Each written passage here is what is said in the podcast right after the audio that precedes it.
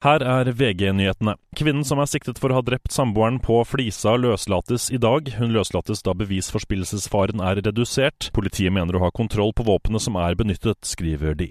Riksadvokaten anker ikke bildrapssaken i Steinkjer til Høyesterett, og godtar fengselsstraff framfor forvaring. Det skriver NRK.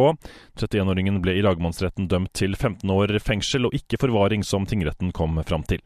Sparebank1 opplever problemer i hele landet. Kunder opplever å se feil saldo i nett- og i mobilbanken. Vi jobber med feilretting og skal løse problemene så fort som mulig, sier banken. Befolkningen i Norge økte med 61 200 personer i fjor. Vi er nå over 5,5 millioner innbyggere, ifølge SSB. Ukrainske statsborgere bidro sterkt til veksten.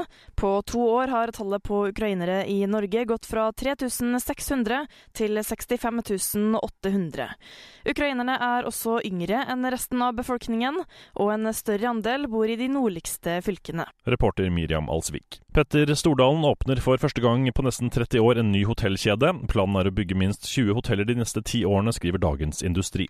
I studio Andreas Hagen Håkonsen, nyhetene får du alltid på VG.